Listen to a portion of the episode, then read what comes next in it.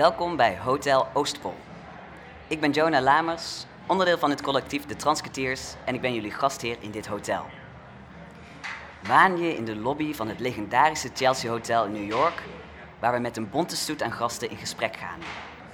Spannende 1-2'tjes, muziek, poëzie en de questionnaire. Vandaag zijn we neergestreken in Theater Rotterdam, waar we net hebben gekeken naar de voorstelling Allemaal Mensen Ubuntu. Het komende half uur schuiven aan Diana Shinafat, er is een optreden van de Pussy Boys en later schuift actrice Joy de Lima aan, die we nu nog heel eventjes de tijd geven om eh, rustig om te kleden. Zij zal voor ons gaan zingen.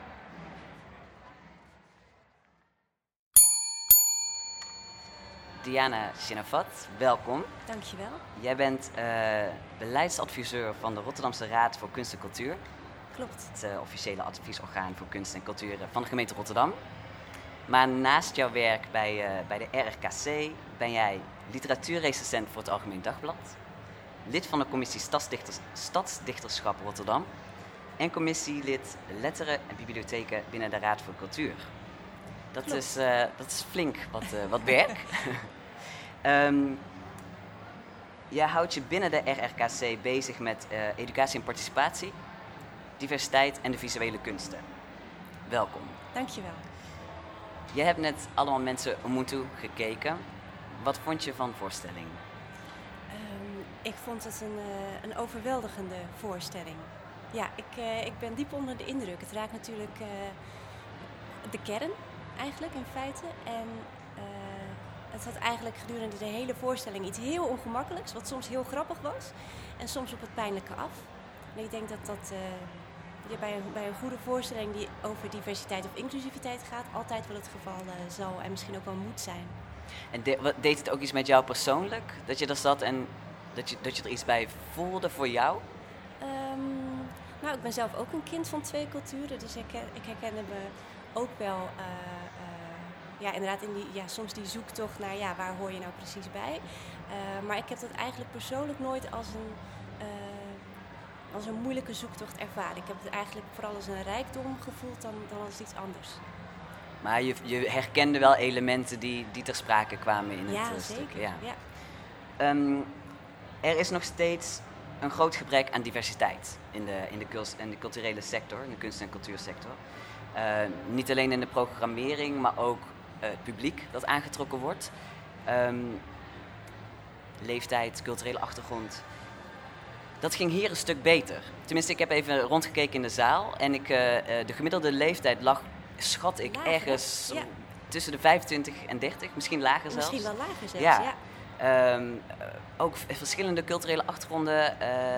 ook een heel betrokken publiek, had ik het idee. Niet stil, werd, was erg interactief. Waarom lukt het bij een stuk als Allemaal Mensen Ubuntu wel? Wordt in het stuk zelf volgens mij ook genoemd dat het eh, eigenlijk gaat, denk ik, ook voor een groot stuk over herkenbaarheid. Ehm, als bezoeker wil je naar iets toe waar je jezelf in herkent. Ehm, misschien niet heel erg direct, maar waar je in ieder geval. ehm, nou, misschien hoeft het niet eens herkennen zijn, maar waar je wel thuis voelt. En daar, daar hoort denk ik in een hele kleine mate een zekere vorm van herkenning eh, bij. En ik denk hoe divers, ja, dit, dit, deze kast is natuurlijk al divers en het onderwerp gaat over diversiteit. Dus ik denk dat het, dat spreekt eigenlijk automatisch heel veel mensen aan, denk ik. En dat zag je ook wel inderdaad in het publiek. Het spreekt jongere mensen aan. ook. Ja, ja. Hoe past dit stuk in Rotterdam? Dit past enorm in Rotterdam. Ja, als je het dan hebt over, eh, eh, over een grootstedelijke stad als Rotterdam, die is per definitie dive- divers. We hebben, geloof ik, even uit mijn hoofd 170 nationaliteiten in de stad. Dat zijn er een hele hoop. Eh, ze noemen Rotterdam ook wel eens een majority-minority city in goed Nederlands. Eh, wat betekent dat eh, meer dan de helft van alle inwoners een niet-westerse achtergrond heeft. Ehm, ja, dus Rotterdam is divers, dat is een feit. En je merkt nu dat meer mensen het gaan hebben over inclusiviteit in plaats van diversiteit. Omdat diversiteit, dat kun je als een soort gegeven zien. En inclusiviteit, dat is meer een soort houding, als het ware, die, die iedereen welkom heet. En daar zou Rotterdam aan zich, maar zeker ook de culturele sector, nog, eh, nog winst kunnen behalen. En hoe denk je dat, dat we, eh, laten we zeggen theater bijvoorbeeld, ehm, eh, nou aantrekkelijker maken voor een breder, eh, breder publiek? Dus niet alleen dit stuk, wat inderdaad die thema's heel mooi aansnijdt, maar eh, theater in het algemeen. Ehm, nou, je noemde net al publiek, hè, een programmering. Je hebt dan ook nog de P van personeel eh, en partners natuurlijk. Dus ehm, eh, bij de RKC pleiten wij ook voor, en roepen we ook culturele instellingen op om op alle vier die P's eh, actie te ondernemen. Want ik geloof er ook echt heilig in dat als, als culturele instelling, als je personeel divers is, dat dat zijn uitwerking heeft op al je, op al je producten. En eh, dat als dat het geval is, dat het ook uiteindelijk je publiek eh, zal diversifiëren. Gaat het, gaat het om jezelf terugzien, jezelf herkennen? Ja, maar ook ehm, je welkom voelen. Ja. Kijk, ik kan me voorstellen dat een, een, ja, zo'n groot gebouw als, als, nou ja, als deze Schouwburg bijvoorbeeld, dat, dat kan een drempel zijn. Eh, mensen kunnen langslopen en denken van nou, dat is niks voor mij. Ehm, ja, en laten we wel wezen, er is natuurlijk ook heel veel theater in kleinschaligere op- vorm. Ehm, het hoeft niet altijd alleen maar over de grote theaterstukken en de, de grote schrijvers te gaan. Er vindt buiten de gesubsidieerde culturele sector ook nog heel veel plaats, wat eh, meestal van nature ook diverser is. Ehm, dus als die twee werelden wat meer naar elkaar toe zouden groeien, dan Ja. zou je denk ik ook wel veel meer recht doen aan de stad als Rotterdam. ja. En een betere afspiegeling zijn ook. Zeker, Ja. ja. ja. Ben jij Rotterdammer? Eh, ja, ik woon er niet. Ik zeg Oké. het meteen, maar ik voel me zeker Rotterdammer. Hoe, Ja. hoe, hoe, vertel het me, want ik ben een eh, simpele Brabander. Hoe voelt het nou? Wat, wat is dat gevoel? Wat is, hoe- hoe- je zegt ik voel me Rotterdammer. Hoe Ja. voelt dat? Hoe dat voelt. Oeh, dat is een moeilijke. Ehm, dat voelt toch wel, juist door die diversiteit, ehm, dat dat mag. Ja, ik vind het heel fijn om eh, mezelf in iedereen en tegelijkertijd in niemand te herkennen. Dat heeft iets heel, ehm, iets heel veiligs. Ik heb ergens gelezen dat jij een persoonlijke missie hebt. Ehm, dat dat is eh, het verkleinen van de kloof tussen high en low art. Or minimizing the gap between high art en low art. Wat moet ik me daarbij voorstellen? Je hebt je huiswerk goed gedaan. Ja, zeker. Ehm, ja, nee, dat klopt. Ik denk dat het, eh, en velen met mij hoor, het is eigenlijk niet meer van deze tijd om kunst alleen maar te beschouwen als iets wat in de gerenommeerde musea en theaters plaatsvindt. Ehm, als je bijvoorbeeld kijkt naar letteren, literatuur, dan kun je natuurlijk denken aan de grote, de grote schrijvers en meesters. Maar hier in Rotterdam heeft ook, leeft ook een hele eh, grote spoken word eh, scene ja, volgens mij is Rotterdam wel de spoken word stad van Nederland. Dat groeit en bloeit hier. Eigenlijk een beetje onder de oppervlakte, maar het is heel rijk. En ehm, ik ga regelmatig naar spoken word eh, optredens. En als je ziet wat daar gebeurt. Ehm, de eerste keer dat ik er kwam, toen schrok ik een beetje van de, de mate waarin mensen zich openstelden. Het, zijn, het gaat vaak om heel persoonlijke verhalen. En ik dacht in, voor het eerst, ik oh jee, wat doe je? Het publiek maakt je af. Maar dat gebeurt helemaal niet. Mensen herkennen zich erin, reageren er ook op en, eh, en zijn eerder dankbaar dat zo'n verhaal wordt gedeeld. En ik denk dat dat ook is wat kunst eh, moet doen. Het moet, eh, het moet herkenbaar zijn en je tegelijkertijd op het verkeerde been durven zetten.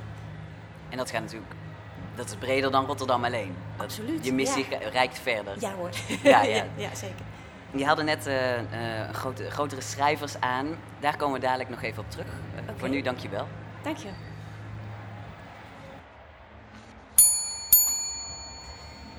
We gaan nu luisteren naar Joep Hendricks en Bas Prins, oftewel de Pussy Boys. Zij dragen twee gedichten voor van Simon, Vinken, Simon Vinkenoog, Koraalzang en Volmondig Ja. Ja. Welkom. Dankjewel. Ehm wij zouden inderdaad koraalzang en volmondig ja doen. Maar ehm, de Pussy Boys, dat, dat ben ik. Ik ben Joep samen met Jos Nargi. En eh oeh, Jos Nargi is ziek. En die doet altijd eh volmondig ja. Dat is echt zijn ding. Dus die kon ik vanavond echt niet doen. Kan je niet Ja, maken dus- eigenlijk. We gaan een andere doen. Eh, Bas Prins is namelijk naast me. Daar heb ik ook voorstellingen mee gemaakt. Eh, dus we gaan het samen doen vanavond. En we wilden eh, heel graag gedichten doen van Simon. Omdat Simon een soort liefdesgoeroe is.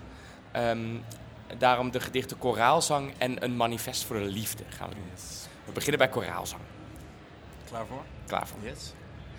Wij die de wereld de wacht aanzeggen. Wij, die altijd op andere dingen letten. Wij, Die leven en sterven bij het leven. wij die de reeën uit bossen zien vluchten. Wij. Wij die de kinderen op straat zien hinkelen. Wij Wij. die kijken zonder blikken of blozen. Wij, die de kastanjes uit het vuur mogen halen. wij, Die alle hekken zullen sluiten.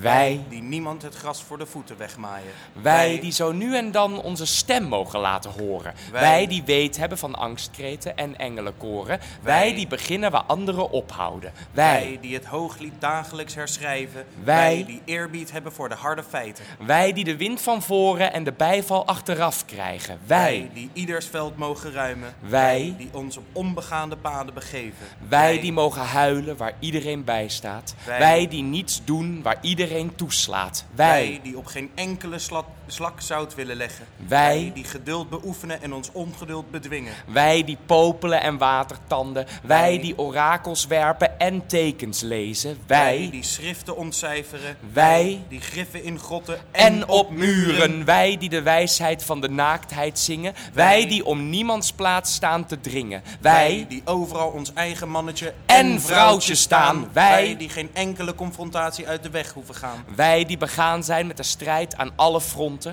Wij. die vermaken, waarmaken en vervolmaken willen. Wij Wij die alle glazen legen om onze dorst te lessen. Wij. die alle magen vullen, alle honger stillen. Wij die zelf blijven, verwerven, verwerken en verstrekken. Wij die geen dreigementen nodig hebben om indruk te maken. Wij, die ons niets willen toe-eigenen van wat een ander toebehoort. wij die erkenning voor de Koerden eisen, de Armeniërs en de Palestijnen. Wij, die altijd zwarte katten op onze weg ontmoeten. wij die altijd onder ladders willen lopen. Wij, die tooien en voltooien. Wij. die knipogen en benadrukken. wij die het woord voeren. Wij die naar ons laten kijken. Wij die de tijd niet doden. maar springlevend houden. Wij die de vriend van allen, maar, maar geen allemansvriend zijn. Wij die van geen ophouden weten. Wij die niet anders kunnen dan ons aan het eigen ritme houden. Wij roepen en herinneren. Wij dansen en zingen. Wij uiten en besluiten. Het laatste woord is altijd ja. De tijd is altijd hier en nu. Het leven is er om voluit te beleven. We zijn kinderen van aarde en zon. We hebben het eeuwig licht in de ogen. We zijn de weg, de waarheid en het leven. We hebben alle kracht, een eigen naam en lichaam gekregen. We zijn zielen door bewustzijn verrijkt. We kunnen wonderen verrichten, kleuren en verlichten, te water en door het vuur gaan. We kunnen in al wat wij doen voorop en vooruit gaan. Zo zij het. Dat was koraalzang. En dan wil ik afsluiten met het gedicht Een manifest voor de liefde. Eh, Simon Vinken oogt en voeten uit. Ik ben een Nederlandse dichter. Ik breng de Nederlandse taal ten gehore.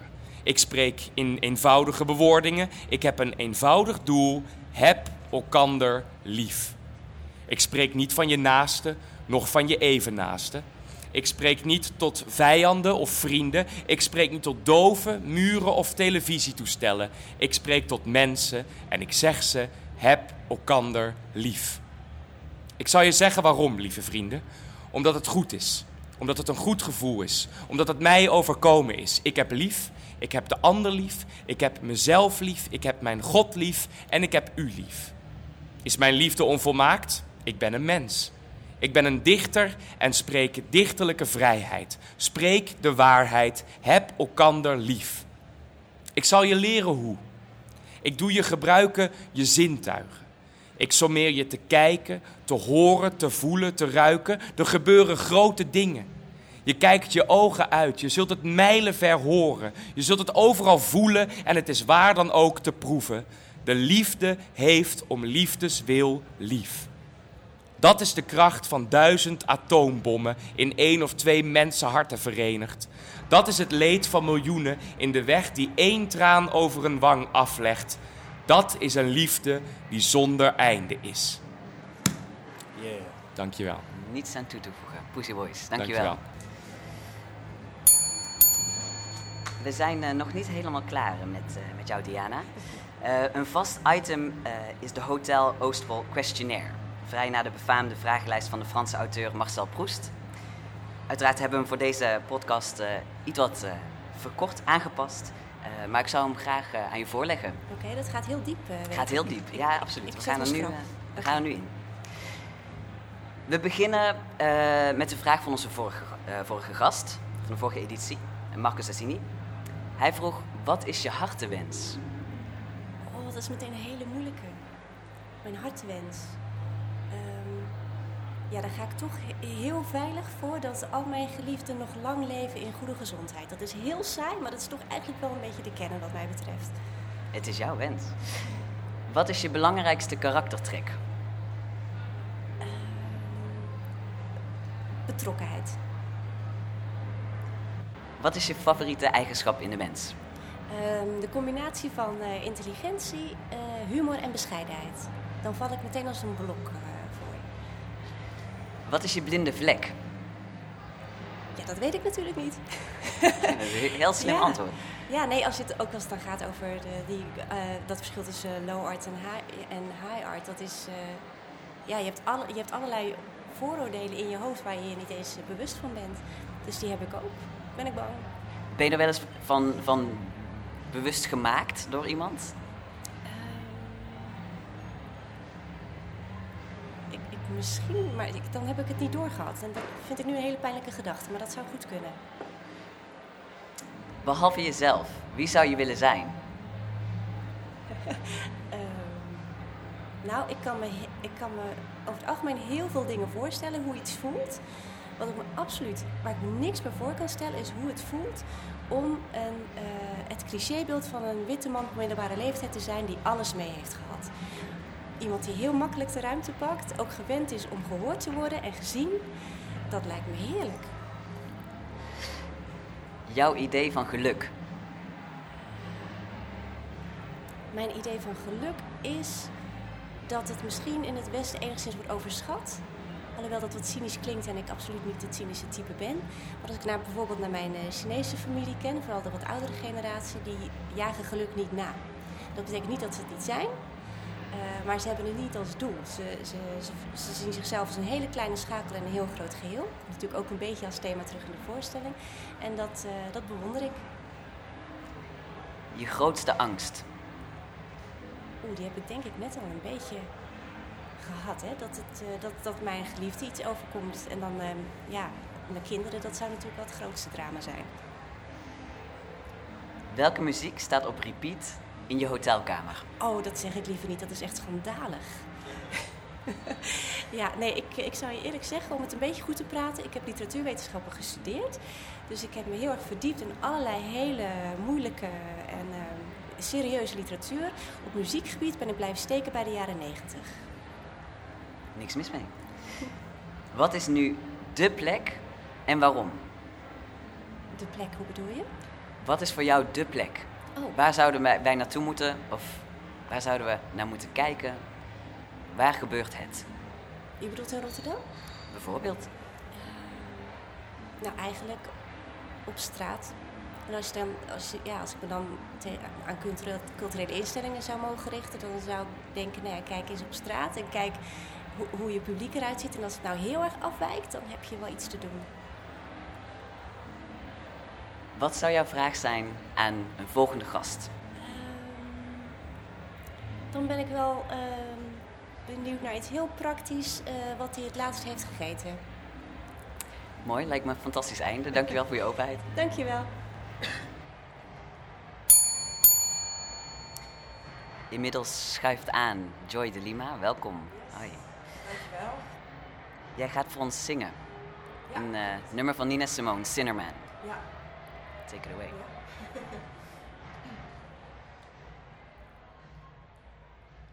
Oh, Cinnamon, where you gonna run to? Cinnamon, where you gonna run to? Where you gonna run to? Along them day, well, I run to the rock. Please hide me, I run to the rock. Please hide me, I run to the rock. Please hide me, Lord, all along them day. But the rock cried out, I can't hide you. The rock cried out, I can't hide you. The rock cried out, I can't hide you. all along them day. So I run to the river. It was bleeding, I run to the sea. It was bleeding, I run to the sea. It was bleeding along them day. So I run to the river. It was boiling, I run to the sea. It was boiling, I run to the sea. It was boiling along them day. So I run to the Lord. Please hide me, Lord. Don't you see me praying? Don't you see me down here praying? But the Lord said, Go to the devil, the Lord said. Go to the devil, the Lord said. Go to the devil all on them day. So I ran to the devil. He was waiting, I ran to the devil. He was waiting, I ran to the devil. He was waiting. All on them day I cried power. I cried power, Lord. I cried power. I cried power, Lord.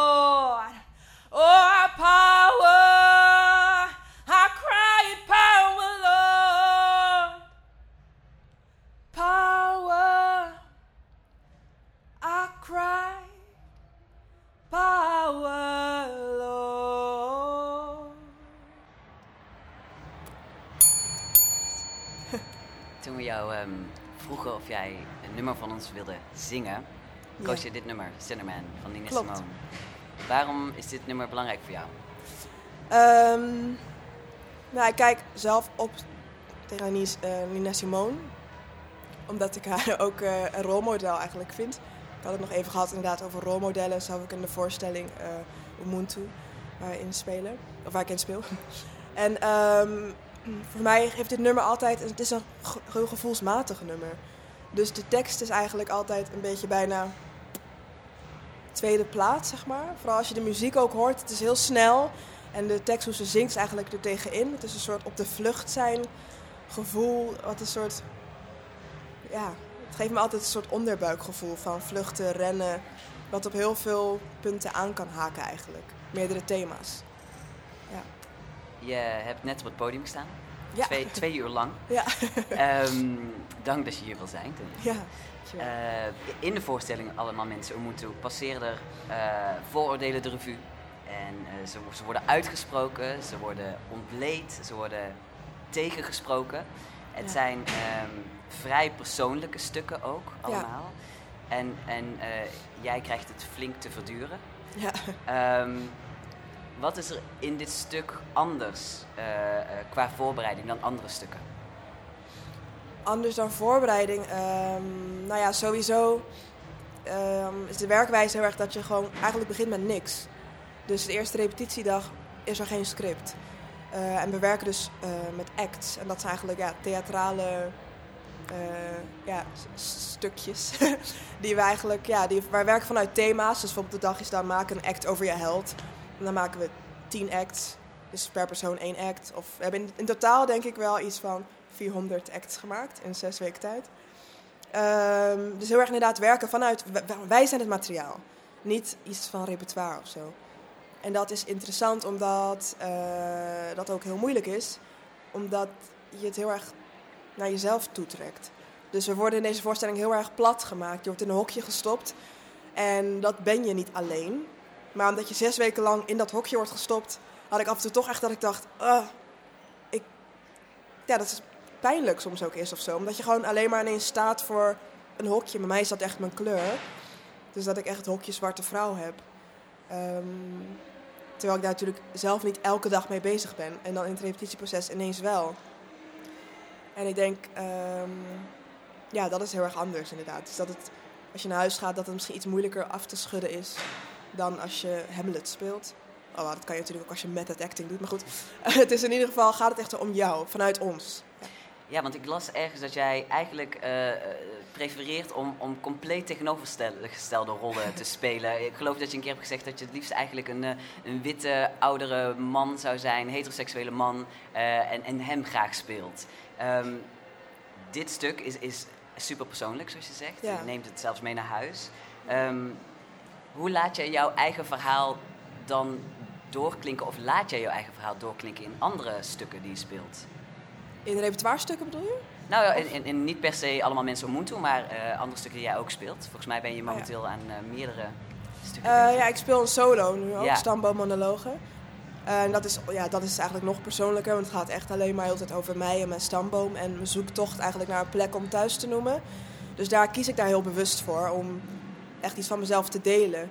Maar ehm, toen ik eigenlijk nog op school zat en dan bij, toen ik in onze straat speelde van Nationaal Theater, was eigenlijk dan het eerste professionele stuk wat ik speelde vanuit het repertoire. Probeer ik altijd wel ehm, ja, een persoonlijk engagement te zoeken, zeg maar. Dus oké, wat verbindt mij met dit personage? Niet omdat ik als mezelf daar wil staan, maar ik denk wel dat het voor mij belangrijk is om die verbinding met mezelf te vinden, zodat ik daar ook echt, ja, op de vloer ook ehm, in het hier en nu iets van mezelf kan meegeven. Er zit altijd iets van mezelf in. Maar ik vind het ook wel fijn, omdat ik juist zoveel stukken speel. En ja, Ubuntu en allemaal mensen al. En stammenmonologen, waarin het echt om mij gaat en om mijn verhalen. Is het juist fijn om af en toe dus iets totaal anders te spelen. Omdat ik soms ook het gevoel heb, alhoewel het super moeilijk is om te spelen, allemaal mensen en zo. Omdat het juist lijkt alsof je niks doet. Terwijl we doen wel echt iets. Ehm, is het juist fijn om er helemaal onder te dompelen in een tekst en een personage en iets wat gewoon niet over mij gaat. Dat ik toch technischer aan de gang kan gaan, waar ik ook voor ben opgeleid, zeg maar. Een laatste vraag. Ben jij een activerend... Oh, sorry. Ben jij een acterende activist? Of een activistische actrice? Ehm, ja. Een activeer... Act, nee, wat zei je nou? Ja, oh. Acterende... Een acterende Activist. activist of een activistische actrice? Nou ja, god. Ja, nee. Als ik moet kiezen zou ik zeggen act, act- ehm, activistische... Acti, ac, ac- zo. Ja, het is echt een tongtwister. Activistische eh, ja, actrice. Maar daar wil ik ook voorzichtig mee zijn. Omdat, wat ik al zeg... Ja, ik kan dat zijn omdat ik dingen gewoon heel belangrijk vind.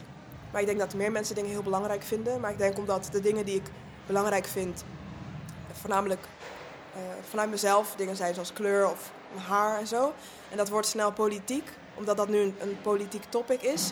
En daardoor word ik snel in een activistisch hokje gezet, zeg maar. Maar eh, ik zie mezelf niet als iemand die constant altijd op de barricade eh, hoeft te gaan staan. Maar ik vind het wel belangrijk om het podium wat ik heb te gebruiken, om daar iets over te kunnen zeggen, vanuit mij. Dus niet spreken voor iedereen, maar wat ik belangrijk vind. Ehm, dus dat kan inderdaad wat activistisch overkomen. Dus dan zou ik zeggen een activistische actrice. Die ook op een dag niet per se activistisch hoeft te zijn. Het is ook een gemene vraag. Kom ik weer aan met Ja. die hokjes. Ik eh, dank je heel hartelijk. Yes, dankjewel. Dit was de tweede aflevering. Hotel Oostpol is een samenwerking van toneelgroep Oostpol, de Transkwartiers en programmamaker Daniel Kieft. Editing werd gedaan door Chris Rijksen. De volgende aflevering wordt op 22 november opgenomen in Nijmegen. Houd toneelgroep oostpol.nl in de gaten voor de volgende gasten. Fijn dat jullie aanwezig wilden zijn in de lobby van Hotel Oostpol. Oh, en wil je meer mensen vertellen over deze podcast? Laat dan vooral een recensie achter.